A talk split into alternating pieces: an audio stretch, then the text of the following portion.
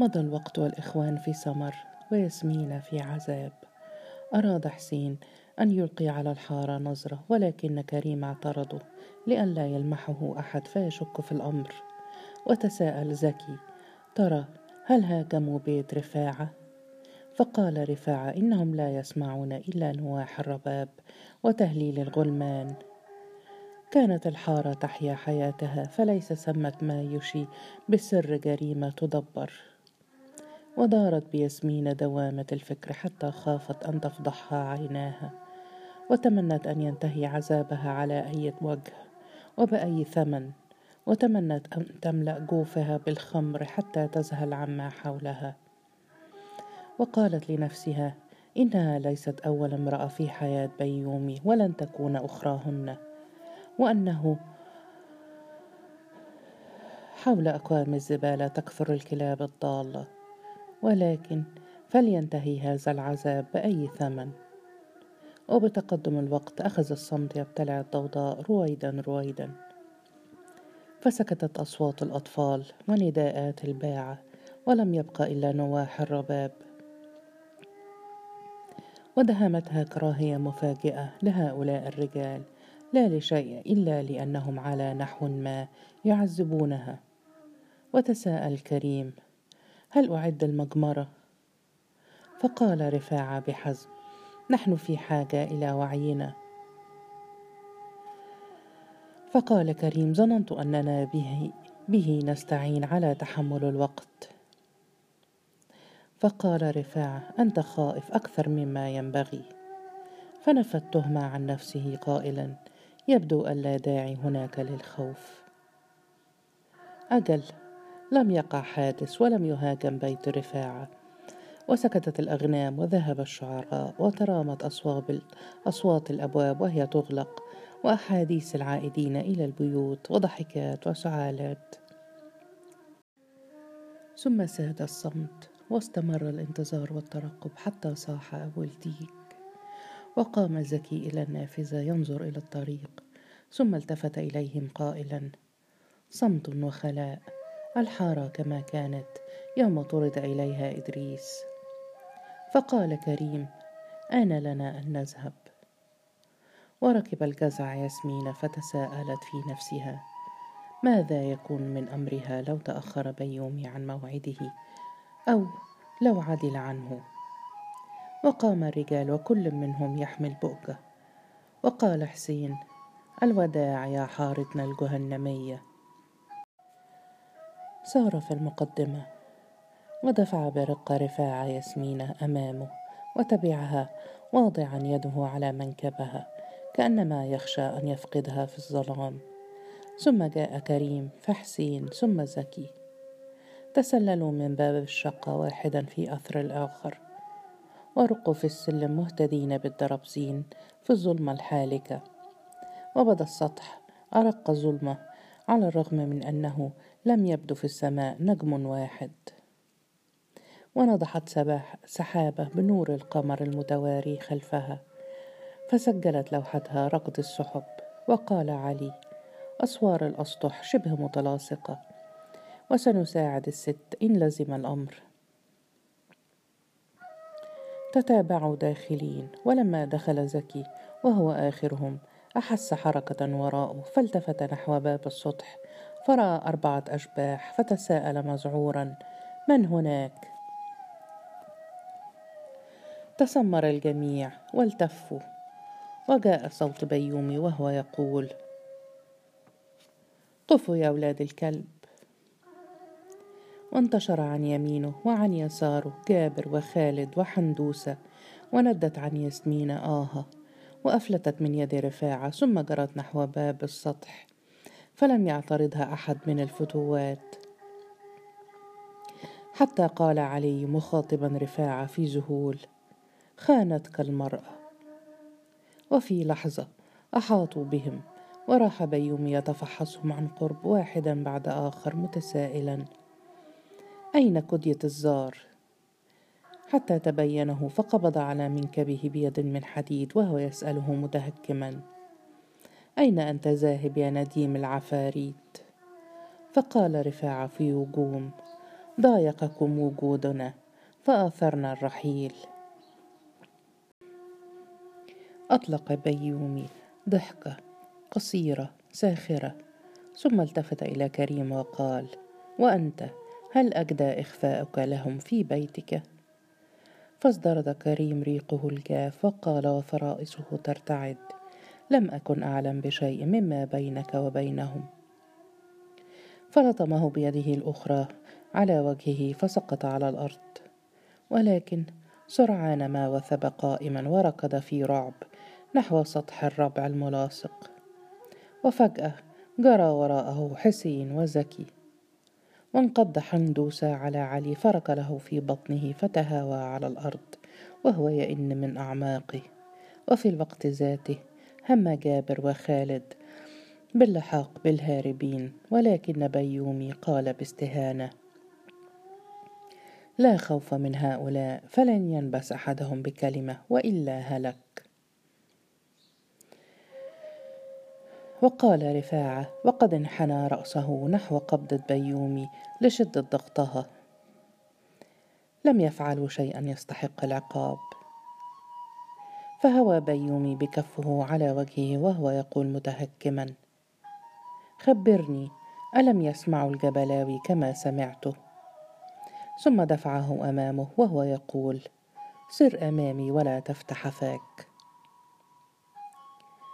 صار مستسلما للمقادير هبط السلم المظلم محاذرا ووقع الأقدام الثقيلة يتبعه وغشيه الظلام والحيرة. والشر الذي يتهدده فلم يكد يفكر في من هرب ولا في من خان. وران عليه حزن شامل عميق فغطى حتى على مخاوفه. وخيل إليه أن ذلك الظلام سيمسي صفة الدنيا الملازمة. وانتهوا إلى الحارة فقطعوا الحي الذي لم يبق فيه مريض بفضله. وتقدمهم حندوسة نحو حي آل جبل فمروا تحت الربع النصر المغلق حتى خيل إليه أنه يسمع تردد أنفاس والديه. وسأل نفسه لحظة عنهما فخيل إليه أنه يسمع نحيب عبده في الليل الصامت ولكن سرعان ما استرده الظلام والحيرة والشر الذي يتهدده. وبدا حي آل جبل هياكل أشباح عمالقة. غارقة في الظلام. ما أشد الظلام وما أعمق النوم. أما وقع أقدام الجلادين في الظلمة الحالكة وأصوات نعالهم فكأنه ضحكات شياطين تعبث في الليل. ومضى حندوسة نحو الخلاء بحذاء سور البيت الكبير فرفع رفاعة عينه إلى البيت لكنه رآه مظلما كالسماء. ولاح شبح في نهاية السور فتساءل حندوسة. المعلم خنفس فأجابه الرجل نعم. وانضم إلى الرجال دون كلام. وظلت عينا رفاعة مرفوعتين نحو البيت. ترى هل يدري جد الجبلاوي بحاله؟ إن كلمة منه تستطيع أن تنقذه من مخالب هؤلاء الجبارين. وتردع عنه كيدهم. إنه قادر أن يسمعهم صوته. كما أسمعه إياه في هذا المكان. وجبل. وجد نفسه في مأزق مثل ما مثل مأزقه هذا ثم نجا وانتصر. لكنه جاوز السور دون أن يسمع شيئا سوى وقع أقدام الجبارين وتردد أنفاسهم. وأوغلوا في الخلاء. فثقلت خطواتهم في الرمال وشعر رفاعة بالغربة في الخلاء وذكر أن المرأة خانته وأن الأصحاب لاذوا بالفرار. أراد أن يلتفت إلى الوراء صوب البيت ولكن يد بيومي دفعته في ظهره بغتة فسقط على وجهه ورفع بيومي نبوته وهتف. معلم خنفس فرفع الرجل نبوته قائلا معك إلى النهاية يا معلم. وتساءل رفاعة في يأس لماذا تبغون قتلي؟ فهوى بيومي بنبوته على رأسه بشدة فصرخ رفاعة صرخة عالية وهتف من أعماقه يا جبلاوي. وفي اللحظة التالية كان نبوت خنفس يصيب عنقه. واستبقت النبابيت. وصاد صمت لم تسمع خلاله إلا حشركة. وأخذت الأيدي تحفر الأرض بقوة في الظلام.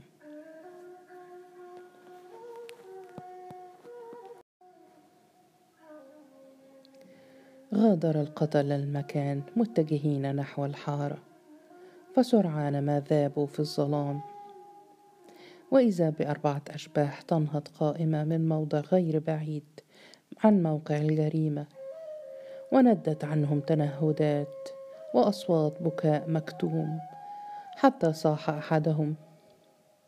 يا جبناء أمسكتم بي وكتمتم أنفاسي فقتل دون دفاع. قال له آخر لو أطعناك لهلكنا جميعا دون أن ننقذه. فعاد علي يقول غاضبا يا جبناء ما أنتم إلا جبناء. فقال كريم بصوت باكي لا تضيع الوقت في الكلام أمامنا عمل شاق يجب أن ننجزه قبل الصباح. ورفع حسين رأسه إلى السماء يقلب فيها عينيه الدامعتين وتمتم بجزع. الفجر قريب فلنسرع. فهتف زكي متأوها. يا له من وقت قصير كالحلم لكننا فقدنا فيه أعز من عرفنا في هذه الحياة. واتجه على نحو موقع الجريمة وهو يصر على أسنانه مغمغما. يا جبناء. فمضوا خلفه ثم جلسوا جميعا على ركبهم في هيئة نصف دائرة. وراحوا يتحسسون الأرض مفتشين. وبغته صرخ كريم بلوع هنا. وتشمم يده وهو يقول إن هذا هو دمه وفي الوقت ذاته صاح زكي. وهذا الموضع الهش مدفنه. وتجمعوا حوله وأخذوا يزيلون الرمال براحاتهم. لم يكن في الأرض من هو أتعس منهم لضياع العزيز. ولا موقف العجز الذي وقفوه عند مصرعه واعترت كليم لحظة جنون فقال في بلاها لعلنا نجده حيا.